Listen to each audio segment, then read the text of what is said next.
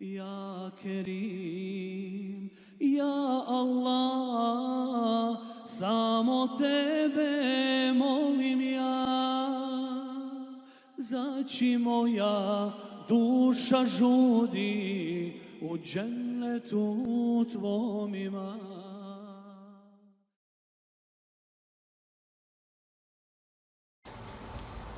Alhamdulillah Rabbil Alamin, salatu wa salamu ala nebina Muhammed, wa ala alihi wa ashabi ajma'in. Rabbi šrah li sadri wa jesid li emri, wa hlu uktata min nisani, jefqa bu qavli thumma kamar. Mi ćemo uz Allahom pomoć početi jednim novim ciklusom predavanja koji se tiče poslaničke medicine. A, ova tematika je detaljno obrađena u knjigama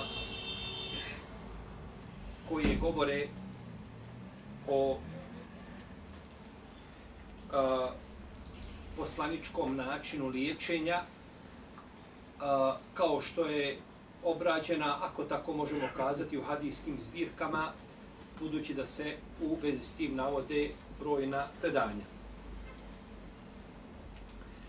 govorit ćemo u prvom dijelu nešto vezano za a, klasičnu poslaničku medicinu koja a, je materijalne prirode. A u drugom dijelu ćemo govoriti ono što se tiče duhovnog liječenja, to je rukja. I ovaj će, ovaj će ciklus potrajati, ne znam koliko, ali a, bit će, bit će dosta predavanja vezanih za ovu tematiku. A čovjek kao odabrano Allahovo biće na zemlji, on je počašćen mnogim odlikama.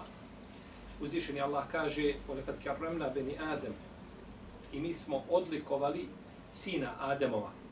Pa je čovjek odlikovan različitim odlikama i uzviše Allah ga je stvorio svojim rukama, naredio melekima da mu se poklone, učio ga imenima svih stvari, obdario ga razumom i a, učinio ga namjesnikom na zemlji. Kao što mu je počinio sve što je na zemlji, počinio to čovjeku. Pa zbog ovih i brojnih drugih odlika, a, bespravedno neprijateljstvo prema jednom čovjeku je kao neprijateljstvo prema svim ljudima, a من أجل ذلك كتبنا على بني إسرائيل أنه من قتل نفسا بغير نفس أو فساد في الأرض فكأنما قتل الناس جميعا. I stoga je uzvišeni Allah a, propisao sinovima Israilovim da onaj ko ubije nekoga ko nije nikog ko ne vidi, ko nikoga nije ubio, a, ili onoga koji na zemlji nered ne čini kao da je sve ljude poubijao. Omen ahjaha fe ke ennema ahjan nas džemija ako bude razlogom da jedna osoba bude spašena kao da je sve ljude jeli spasio i život im sačuvao. Ovo je moto Islama. Ovo je više nala popisao Benu Israim. To je to također vidi i za nas, za, za, za, za naš umet. I a, nema sumnje da Islam vodi najveći, naj, ovaj, naj, naj, a, a, veći račun o čovjekovom životu, njegovoj krvi, njegovoj časti, ali onih pet nužnih stvari koje ćemo kasnije spomenuće. Pa, je, pa su islamski autoriteti jednoglasnog stava bez razilaženja među njima da se zašta ljudskih života tretira među primarnim ciljevima šerijata. Pa je čovjek dužan da čuva svoje tijelo, da čuva svoje zdravlje i da izbjegava sve što mu šteti.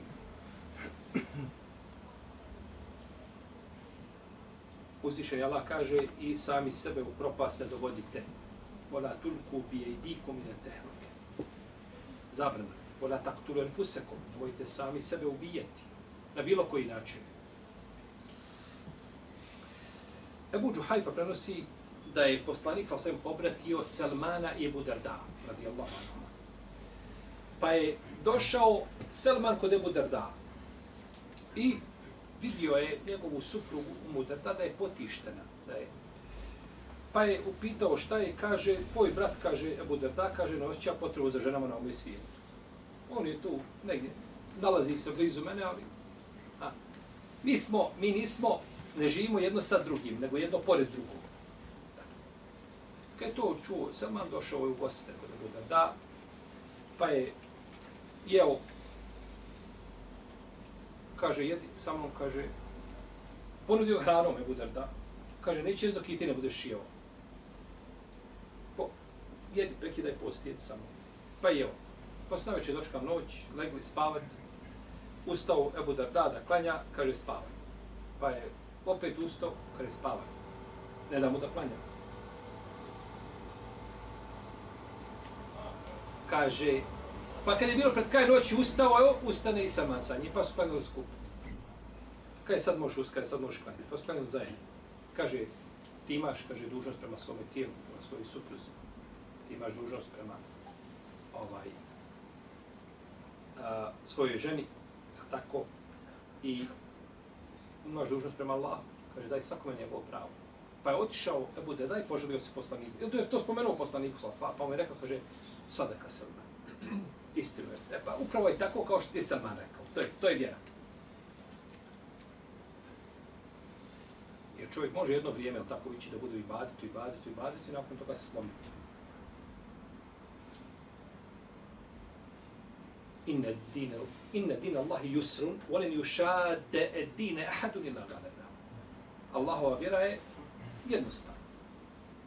A neće niko pretjerati u vjeru da ga neće slomiti Niko neće pretjerati u vjeru, a da ga ne ashabi, najbolji, koji su bili lavovi islama, kad pretjeruju vjeru, biće slomit će ih vjeru. A umjerenost u toj vjeri jeste onako kako je činio poslanik sallallahu alaihi wa sallam. Pa je zdravlje jedna od najvećih osjetske blagodati. A u komentaru ajeta u kome uzvišenje Allah kaže ثُمَّ لَتُسْأَلُنَّ يَوْمَ إِذِنَا لِلنَّعِيمِ i vi ćete toga dana sigurno za blagodati biti pitanje, neki učenjaci kažu to je blagodat zdravlja. To je blagodat zdravlja. I to zna onaj ko je bolestan. Onaj ko je bolestan, on zna šta znači zdravlje. To nema cijenu. Zdravlje nema cijenu.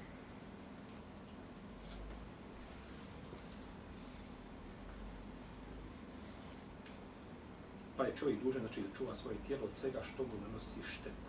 Ibn Abbas prenosi da je poslanik, sal sam rekao, kaže, Nijametani magbunun fihima kesiru milenas.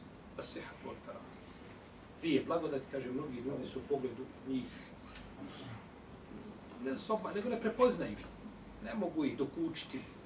Kaže, to je zdravlje i slobodno vrijeme. Zdravlje i slobodno vrijeme. A Ubedullah ibn Mehsan Hatmi kaže da je poslanik, sa sam rekao, kaže, ko ostane siguran i zdrav, siguran i zdrav sa svojom porodicom i posjede dovoljno hrane za taj dan, kao da je, da mu je dat cijeli dunjak. Siguran i zdrav. I došlo od isko Tirmizi i kod Ibrahimana, prvo zašto će čovjek biti pita na sudnjem danu, jeste šta? Zdravlje i voda. Zdravlje i voda. Pa jeste, ima i namaz. Prvo zašto će biti pitanje ljudi jeste krv.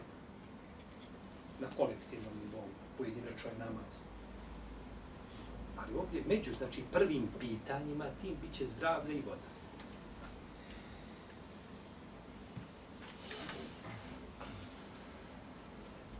Reći se da ti nismo dali zdravlje i napojili te hladnom vodom. Iskoristi Petru prije Petru. Tako, iskoristi. Mladost. Prije starosti. Zdravlje prije bolesti. Slobodno vrijeme prije zauzetosti. Život prije smrti. Bogatstvo prije siromaštva. Ali zdravlje prije čega? Prije bolesti. Čovjek kada se razboli, on ne samo da je sam, on je sebi težak i drugima je težak. Treba ekipa da oko njega igra, da je poskupa. Pa nije samo on sebi nanio, nije samo se, sebe ovaj time ovaj eh, je li spriječio do, do, do, do, od tog svog nekakvog normalnog života, nego i druge. Pa medicina predstavlja jednu, jednu bitnu a, nauku kada je riječ o zaštiti čovjekovog zdravlja i zaštiti ljudskih života. I od vremena poslanika, sa osvijem se vodila velika pažnja kada je u pitanju medicina i prije toga i posle toga, iako su muslimani danas u tom pogledu prilično podbacili u odnosu na druge. Drugi su mnogi napredovali više od muslimana kada je riječ o medicini. Urva ibn Zubair kaže Ajši, kaže, majko naša, ne čudi me, kaže, da ti lahko shvataš i razumijevaš fikske propise, pa kaže, ja kažem, ti si žena poslanika, soli čerke u Bekra. A, znači, ne, ne čudi me to što poznaješ dobro pjesništvo arapsko, kaže, pa ti su čerka u Bekra, on je u tom pogledu bio. Pa, ali kaže, čudi me kako znaš, odakle znaš medicinu? Kako si to naučila? Kaže, urvice, dragi. A, kaže, dolazili su dolazile su razno razne, razno razne delegacije poslaniku sallallahu alejhi ve selleme kaže pa kad bi došli vidjeli ga da je bolestan kaže pa bi kazali kako čime se liječi to čime šta je potrebno za je ljudi su znali oduvijek su poznavali je li a, medicinu kako da se čovjek liječi od različitih bolesti možda nisu poznavali bolesti nazive kao mi. I nije ni bilo sigurno takvi bolesti kao kod nas ovaj. Ali su poznavali, imali svoji kućama medicinu, onaj pa Marić je bio tu i preparati su bili tu, trave su bile tu i znali su šta koristiti od lekova. Kaže, pa su to spominjali poslaniku, a ja sam to pamtio. To je bila učena, znači radi Allah talana i po pitanju medicine. Imam Šafija je bio veliki poznavalac medicine i govorio je, kaže, postoje dvije vrste znanja. Poznavanje, kaže, vjerskih propisa i poznavanje medicine koja liječi ljudska tijela. Vjerski propis koji čuvaju vjeru ljudi i poznanje medicine koji čuvaju ljudska tijela. I kaže, imam šafija, ne boravi u mjestu u kome nema učenjaka koji će ti kazati u vezi, svoju, u vezi s svojom vjerom, niti u mjestu u kome nema ljekara koji će ti kazati u vezi sa tvojim tijelom. I kaže, imam šafija, dvije vrste nauke, ljudi su zapostavili medicinu i arapski jezik. I govorio je, ne znam da postoji nauka nakon halala i harama, misli na vjerske nauke, jel? bolja i vrednija od medicine. To se govorimo o Šafija, radijallahu ta'ala, anhu wa rahimahu. I to je zabilježio imam Ibn Hatima Razio, sam vidio na nakladu Šafija i isto tako imam Bejhaqi u istom dijelu, jel, s istim nazivom. I to skoro imam Zahelju u dijelu Sijer i drugi učinjaci. Pa imam Šafija ovdje, znači, spomenuo a posebno, znači, ovaj naglasio vrijednost medicine pored šerijetskih nauka. Jer šerijetska nauka čuva ljudske duše, čuva njihova tijela. I liječi njihove duše. Pa i tijela, međutim, medicina u svemu tome nije ovaj isključena i ne možemo zaobići medicinu. I zato je pogrešno da ljudi ponekad ovaj na osnovu doćemo do toga koji liješe rukama, kad liječi rukom, on isključi medicinu kao da ne postoji medicina. Kao da toga nema. To to je, to je bidat to delikari, doktori, slikanje, slikanje, ortoped, ortoped, to sve ovaj, pogrešno. Probleme nas, napraviti pacijentu, naprotiv, spojiti medicinu savremenu i, i, i, i ovaj, liječenje rukom je idealno.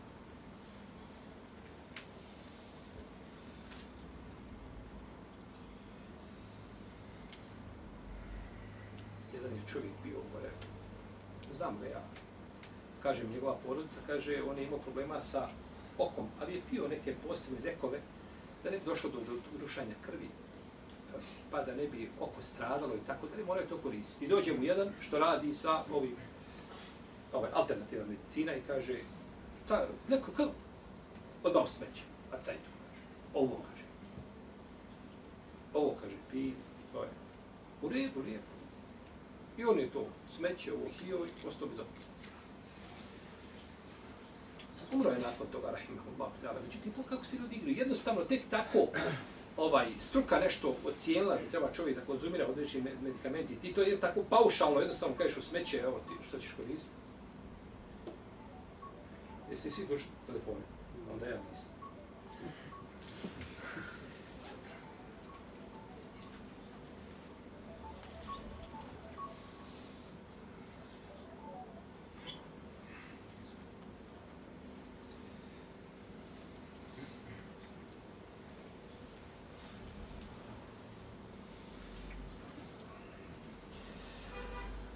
Pa ne možemo se igrati s. Čovjek treba govoriti ono što zna. Ono što nije tvoja struka, nije tvoje polje, ne diraj živi. Pa kad lekar počne govoriti o ruki, a učač u kilu, tako, počne govoriti o onome što je struka hirurga ili tako, da je to problem. To nas to problem.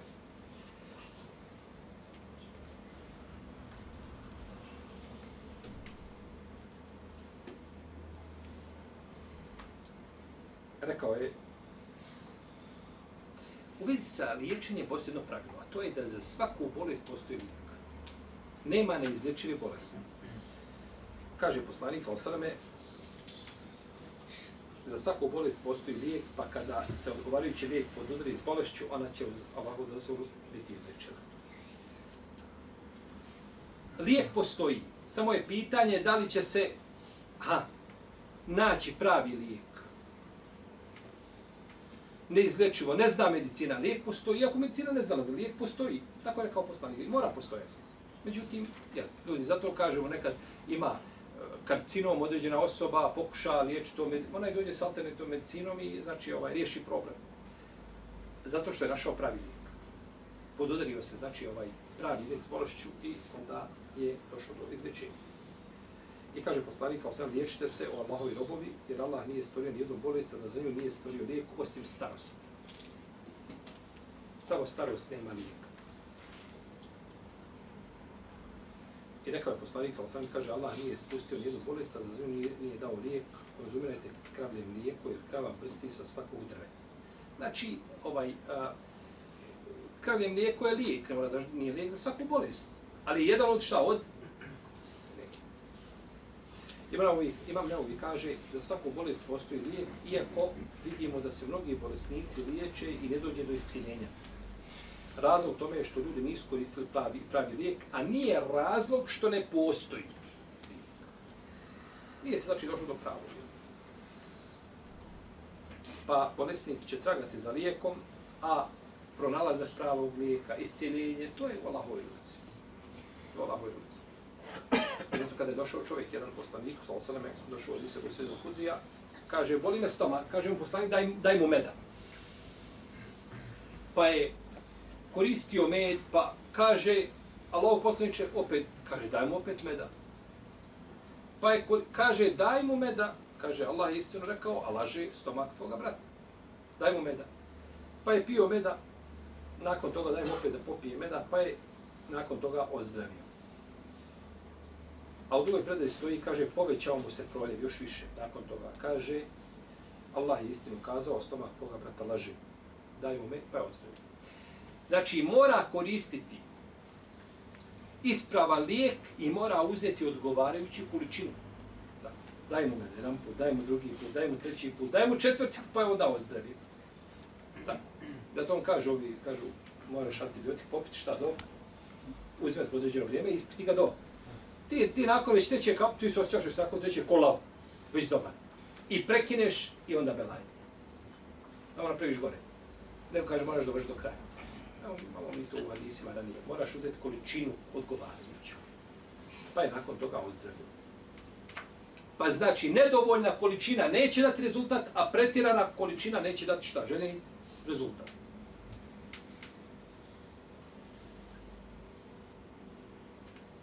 Kao što čovjek koji se liječi od, ne znam, nekakve duševne bolesti. Biće prinuđen da određene ajete ponavlja, ha, dug vremenski period da ih ponavlja, da ih uči i tako dalje, da bi došlo znači, do isciljenja. I tako je prenešeno i od Selefa da su tako, da su tako postupali. Prenosi se od Isu Ebu da je poslanik sa Osaleme klanio noći namaz i tom prilikom ponavljao ajed do zore, ako ih kazniš, kaže, oni su robovi tvoji. Ako im oprostiš, ti si silan i mudar. In to azibhum, fe innehum ibadik. I ponavljao je poslanik ali sam taj ajet do zore. I to je prešeno skupine učenjaka iz prvih generacije. I kaže uzvišenje Allah, zar nećete razmisliti o Kur'anu? Ili zar neće razmisliti o Kur'anu? Efelajte de berune Kur'an. Ema ala kulubin akfaluha. Ili su na srcima katanci. Jer samo učenje Kur'ana bez svatanja razumijevanja, iako čovjek ima nagradu za to, neće postići uvijek željeni cilj. Kur'an je bereket, da ga uči onaj koga ne razumije i ne svata, za sve to ima nagradu. Međutim, puno je ovaj korisnije za čovjeka koji uči i svata ta značenja i razmišlja. Razlika je velika. Razlika je velika. Imam Ibn Kajim kaže, srce se oživljava razmišljanjem o kuranskim ajetima, poniznom dovom, u praskozorje i izbjegavanjem činjenja grija. U komentaru ajeta u kome uzvišen Allah kaže, poslanik je rekao, gospodaro moj, narod ovaj moj Kur'an izbjegava. Okala Rasul, Rabbi inna kaum mi tehadu hadal Kur'ane mehđura, surom Turkan, reći će poslanik na sudnjem gospodo moj narod izbjegava ovaj Kur'an. Kaže šeho Islam Ibn Kajim, izbjegavanje Kur'ana može se manifestovati na različite načine. Može biti prvo izbjegavanjem pomnog slušanja Kur'ana i vjerovanja u njega. Drugo, izbjegavanjem rada prema Kur'anu i njegovim načelima. Treće, izbjegavanje suđenja prema Kur'anu. Da se sudi prema nečemu drugom mimo Kur'ana. Četvrto, nerazmišljanjem u Kur'anu, znači učenje na Kur'anu, samo čitanje. Peto, izbjegavanje liječenja, liječenja Kur'ana. Čovjek se da se ne liječi Kur'an. Pa je jedan od načina, ovaj, inna kao mi tefadu hada Kur'ana mehđura, taj heđor, izbjegavanje, to može biti način da se čovjek ne želi šta liješiti Kur'an. Ili da ga ne smatra lijekom, slično to. ali nisu isti stepenisti. Nije izbjegavanja liječenja Kur'anom isto kao izbjegavanje eh, ovaj suđenja po Kur'anu ili, ili, ili postupanja po kuranskim načelima i da ne govorimo o vjerovanju. Naravno da je, da je veći ovaj grijeh i da je to veći usibi. Pa budući da je liječenje bolesnika odgovoran zadatak i jako zahtjevan, ovaj, eh, uh, isceljitelju pripada velika nagrada od uzvišenog Allaha za ođele zbog spašavanja ljudskih života. I dobro prenosi da je poslanik sa osam rekao najdraži ljudi Allahu jesu oni koji najviše koriste ljudi. Najdraži ljudi su Allah, oni koji najviše koriste šta? Ljudima. I zato ako je uzvišen Allah dao blagodat određenog čovjeka, ako može koristiti ljudima, treba im koristiti. Treba im koristiti.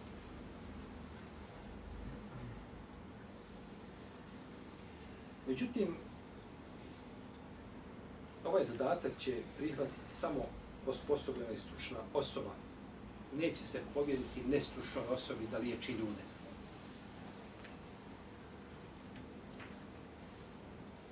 Jer ako bi nestručna osoba liječila ljude, onda bi snosila sve negativne posljedice koje bi prouzrokovala svojim liječenjem.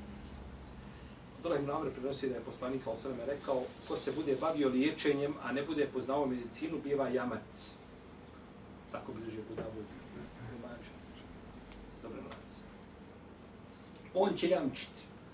On je garant. On mora snositi sve posljedice. U malikijskom dijelu Refrovakiju Devani stoji ako bolesnik bude liječ, ako bolesnika bude liječila osoba koja dobro poznaje medicinu, pa bolesnik podlegne, lekar nije odgovoran. Jer može, može li se desiti?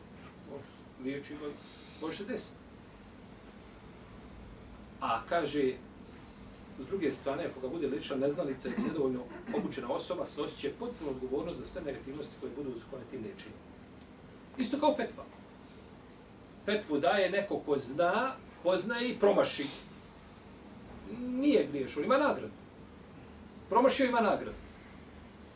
A fetvu daje neznalica, to je nagrada nema opravdanja u tome. Pa se svugdje struka razlikuje od amaterstva. To ne može biti nikako isto. Kaže mu Kajim u zadu mad, da stovije pogleda, kaže praksa poslanika sa osaname u vezi s odgovornošću nesušne osobe koja bude učila drugi ljudi. Ovaj, igra sa ljudskim, tako, životima i poigravanje kaže poslanik sa u jednom hadisu, kaže, ne primoravajte vaše bolesnike na jelo uzvišeni Allah i hrani i poji. Taj hadis je, razilazi se u lema. On je u osnovi slab. Da li se može pojačati s mnoštvom puteva, učinjaci se razilaze. Uglavnom radi se o slabom šta? Slabom predanju. Kaže Aisha, mi smo vrijeme po, eh, poslanik je slab bolest. bolestan. Kaže, jedno, jedne prilike, kod Buhari hadis. Kaže, pa smo, kaže, cijevčicom mu ulijevali lijek u usta. Tvori usta i cijevčicu. A on je pokazivao, nemojte. Ma kažu, to je prezir bolesnika prema lijeku, samo visipaj. Pa kad je poslanik sam se ozdravio, kad je se pridigao, pridigao se i to kaže, je, zar vam kaže, nisam zabranio to. Zar vam, nisam, nemojte. Kaže, sada, kaže, svakome od vas koji ste bili prisutni da mu se ulijeva lijek, cijepčicom usta da ja gledam. Osim, kaže, Labasa, a Miđo nije bio prisutan tu. On nema odgovornosti. Ima svakova, da se na isti način ovaj, da osjetite ovaj, kako izgleda. Kaže, to je prezir bolesnika. Prisiljavanje bolesnika na, na jelo, na piće i tako dalje, to je ovaj, a, nije, nije u korist bolesnika. Kaže, imam neovi, pohvalno je ne prisiljavati bolesnika na konzumiranje ljekova, hrane ili nečega drugog. Tako kaže Ibn Muflih i drugi učinjaci. Da ne treba prisiljavati, znači, bolesnika jer je razlika između njega, ali tako i neka zdrava osoba nije za određenu hranu, za određeno piće i tako da je kamo bolest.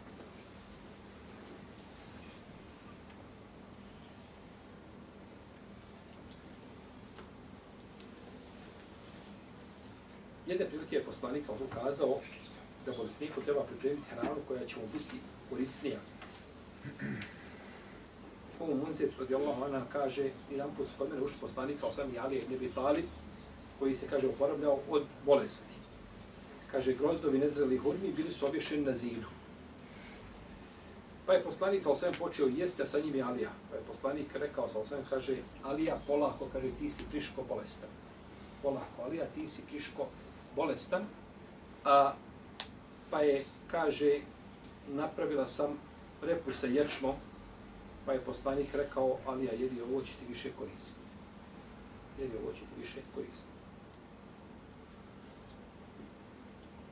Pa vidimo da isto i da je Aisha radi Allah kazala, Allahu poslanik kao osrami, kada bi, kada bi neku njegovu ženu zadesila groznica, naredila se kuha čorba, a onda bi joj naredio da je pojede i kaže, ona će te, kaže, okrijepiti i odstraniti bol iz pogodnog srca kao što neko pod ovo stranije priljavštinu sa svoga lica. Što se tiče propisa liječenja u islamu, a, nema razilaženja među islamskim učenjacima da je dozvoljeno liječiti se. Za razliku od iznimnog mišljenja u nekim sufijskim krugovima koje vladaju među njima, koji smatraju da je liječenje pokuđeno, pravdajući to činjenicom da čovjek treba biti zadovoljan sa Allahom odredom i ono što ga snađe i nema potrebe za liječenje, sve određeno. Jer određeno tebi kada ćeš umrijeti. Yes. Liječio se, ne liječio se, ali to je određeno kada ćeš umrijeti. Što ćeš? Što onda vidjeti? Kakva potreba za liječenje? To je krnjavo razumijevanje vjere. To je krnjavo razumijevanje vjere. Prema tom pravilniku, kazali nemaš potrebe raditi. Jer ti je rizik određeno. Ti radio ili ne radio, možeš ti povećati svoj rizik od ono što ti Allah propisao? Može ili ne može? Ne može. Allah ti je propisao. Ne moraš raditi, ne moraš se liječiti, ne moraš... To je krnjavo. Ti ne znaš šta ti je Allah propisao. Allah te je zadužio da se trudiš i da činiš ono što ti ide u korist, da izbjegavaš ono što ide na tvoju štetu pa tako i liječenje.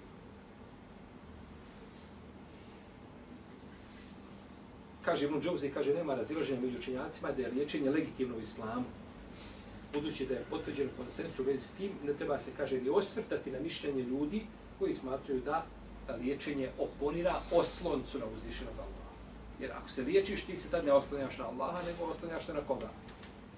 Na primarius, na doktora, nije doktora koga. rekao. To je ispravno.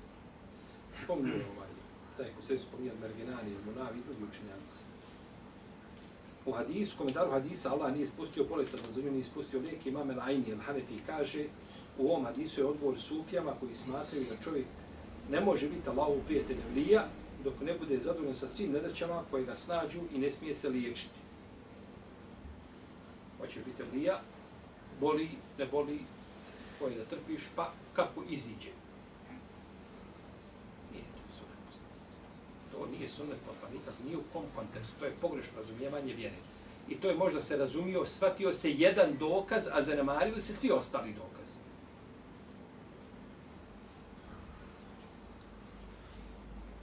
Se od vjernika traži, Allah traži, traži, a vjernik traži da Allaha zdravlje, a u isto vrijeme se liječi. Traži obskrbu, a u isto vrijeme šta? Radi.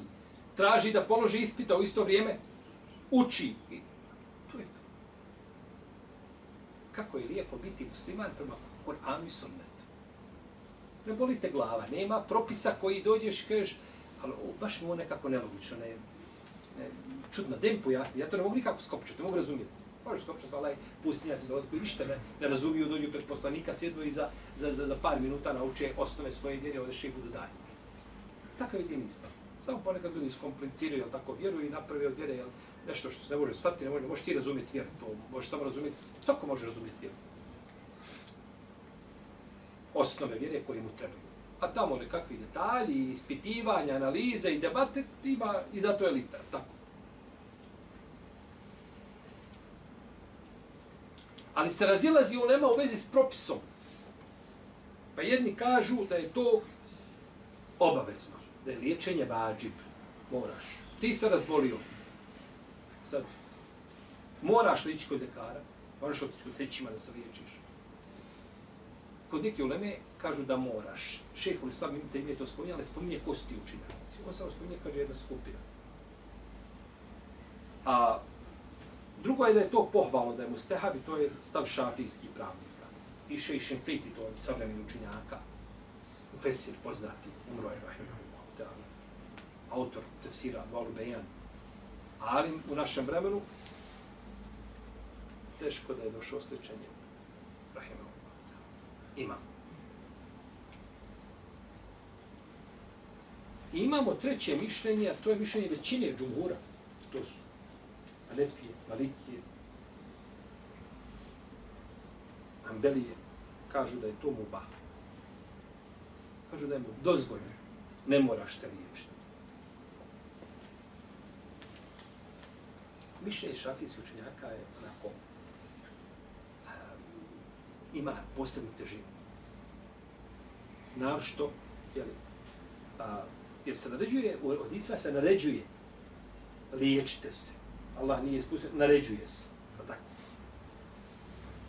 I to je obaveza, iako postoji, znači, postoji hadis koji ublažavaju tu naredbu. Pa je ovaj mišljenje šafi učenjaka jako ovdje. Neki učenjaci kažu da je liječenje izlečivih bolesti obavezno u nekoliko situacija. Prave razliku sad. Kažu obavezno je ukoliko može rezultirati smrću. Može to da ga podlaći umrijeti. I drugo, ukoliko bolest spriječa izvršenje vjerskih dužnosti. Pita dužan šta da se liječi, da bi mogao izvršiti je tako, vjerske dužnosti, obavezno. Treće, ako je bolest prelazna i može šteti drugim ljudima. Kaže, ja, ja se neću liječiti. Liječenje je ovaj, muba, ja nisam dužan, ili da kažeš liječenje je pokuđeno. To je nikako liječi, kako liječenje. Kao što kažu. I četvrto, ako ga kaže, može učiniti ta bolest invalidom, pa nije u mogućnosti izdržavati svoju porodicu. Ne kaže, eto vidiš ženi, eto vidiš, ka, eto, vidiš da ne mogu, idi, idi ti radi. Pa će ona izdržavati nje. Ne, on je dužan da izdržava. I ako može spriječiti to, dužan je to spriječiti.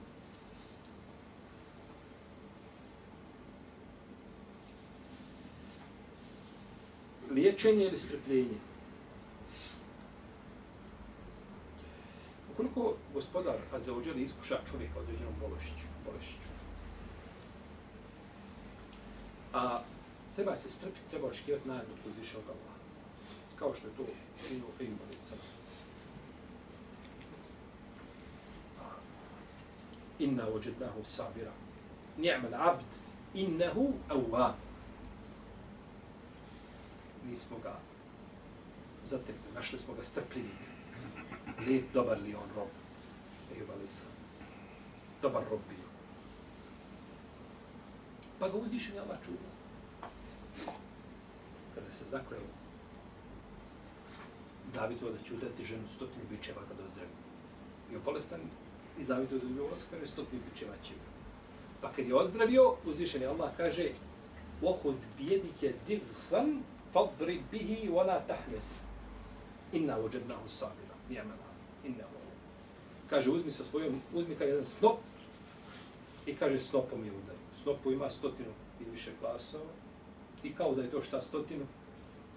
Ona tahn, ali zakletvu ne prekrši sam.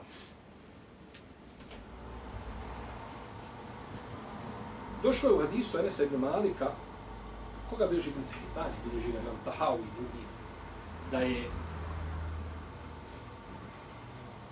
poslanik sa osam rekao, kaže, potrejala je bolest Ejubova, ali samo 18 godina.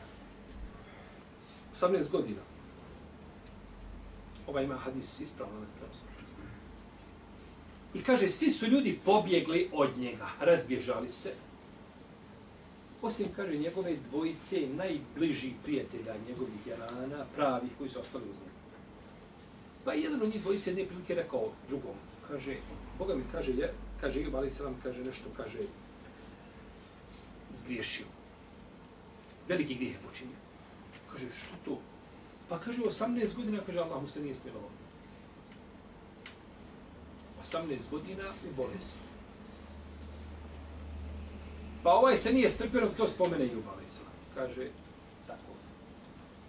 Kaže, Juba, ali ne znam Boga mi šta je, o čemu govori, ne, ne znam.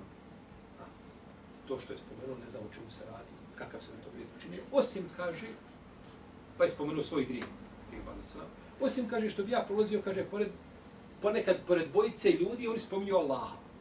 Spominju Allaha, miše se, zaklinju se. Hoću vallahi, nećeš vallahi. Hoću vallahi, nećeš vallahi.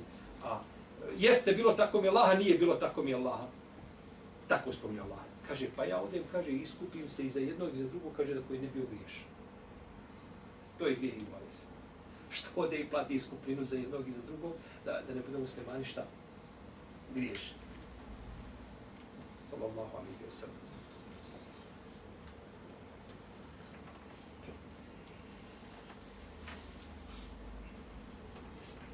Pa postoji razilaženje među islamskim učenjacima koji liječenje ne smatraju obaveznim, da li je poslaniku bolje liječiti se ili je bolje strpiti se. Šta je bolje? Jedna kažu jedno, jedna skupina kaže jedno, a drugi kažu drugo. A neki su napravili razliku kažu ko se može strpiti, njemu je bolje. Ko je ja, ko je čvrst, znači da može podnijeti, ali tako?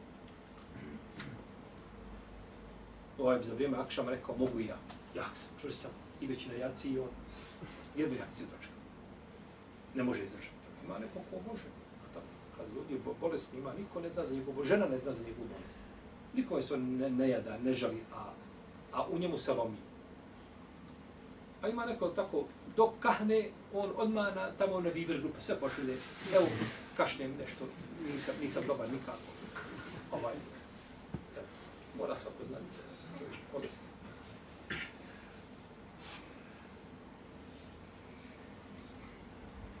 Atab ibn Rabah kaže, Ibn Abbas me kaže, upitao, hoćeš kaj da ti pokažem ženu od stanovnika dženneta?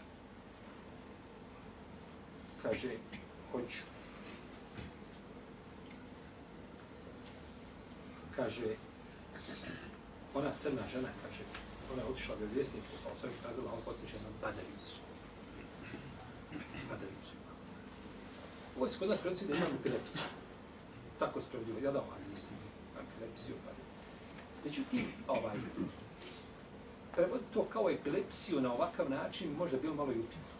Jer je došlo u drugim predanjima koji se zaključuje da je ova padavica bila uzrokovana džinskim djelovanjem. Jer kad kažemo sara, Sara je padavica koju uzrokuju džini. A, može biti uzrokovana ona i ovaj organskim nekakvim poremećajem. A može biti džinskim. Ova je žena bila Umu Zufar. Ona je bila, a, ta njena padavica je bila uzrokovana džinskim djelovanjem, nije organskim. Pa je, kaže poslanica, on sve kaže, ako želiš, strpi se i ući ćeš u džennet, a hoće joj zamoliti Allah da ti da ozdravljenje. Kaže, strpi se, kaže, ali zamole Allah, kaže da se ne otkrivam prilikom padanja. Kada padnem na tle, ovaj, kada me nesretnik izbezumi, nemoj da se otkrivam. Pa je dobio, pa se nije otkrivao. Šeho Oslam Ibn kaže, citirani hadis ukazuje da je dozvoljeno ostaviti medicinski tretman i liječenje tražiti od Allaha i cijeline. A od Ebu Uredija, da on kaže, došla jedna žena kod poslanika sa osvrame i patila je od džinskog uznemiravanja. I rekao, ovo posljedniče, zamoli Allah da mi izleči, kaže, ako želiš, zamolit ću Allah da ti izleči, a ako želiš, strpi se i nećeš polagati račun. Kaže, staka, kada je strpi se, kaže da ne polaže račun. Pa je patila od čega? Od džinskog uznemiravanja. Džinska epilepsija. Osman ibn Hunayf kaže, došao je neki slijepac svoj vjesnik u Samosavne i rekao, zamoli Allaha, kaže, da mi da ozdravljenje, pa je rekao, kaže, ako hoćeš, ja ću ga zamoliti, ako hoćeš, strpi se, to je za tebe bolje. To je za tebe bolje. Znači, strpljenje biva kada čovjek može se strpiti i kada neće po svemu sudeći biti dovedena šta? U pitanje jedna od prethodnih tački koje smo spominjali. Da je to nešto prelazno, da time neće moći izdržavati porodicu, ne znam da svoje obaveze širetske neće moći izvršavati, slično tome. Da se čovjek strpi, ima bi pravo. Vezano je za njega, nešto ga boli, on želi da strpi, da uzme nagradu. Međutim, ovaj, ako čovjek zna da nije saburli dovoljno, a bojim se da većina ljudi nije takva, onda bolje čovjek da se liči. Jer nama je draže da živimo u blagostanju i da Allahu zahvaljujemo, nego da budemo iskušani pa da saburamo. Jer ne znamo, da ne znamo ni da li ćemo biti zahvalni u blagostanju, jel tako? I to je prvom čovjek, jel tako? Ja bi da imam, ja bi bio, ja bi dijelio, ja bi dao i onda postane ovaj, eh, uh, ha, imam tvrdičluka. Nema poput njega, tako, predvodniku u tvrdičluku, škrtosti. Ne zna čovjek, ali u osnovi je lakše čovjeku da živi u rahatluku i blagostanju i da bude, da zahvaljuje Allahu nego šta da, da bude iskušan pa ne zna da li će osabuditi. Iako Abdurrahman ibn Auf govorio u Temizi izredožio, kaže, uh, iskušani smo, kaže, u vrijeme poslanika, sam kaže, sa neimaštinom, kaže, pa smo se strpili, kaže, pa smo nakon toga, kaže, nakon njegove smrti iskušani sa ovaj blagostanjem, kaže, pa se nismo strpili. I to je iskušenje za ljude.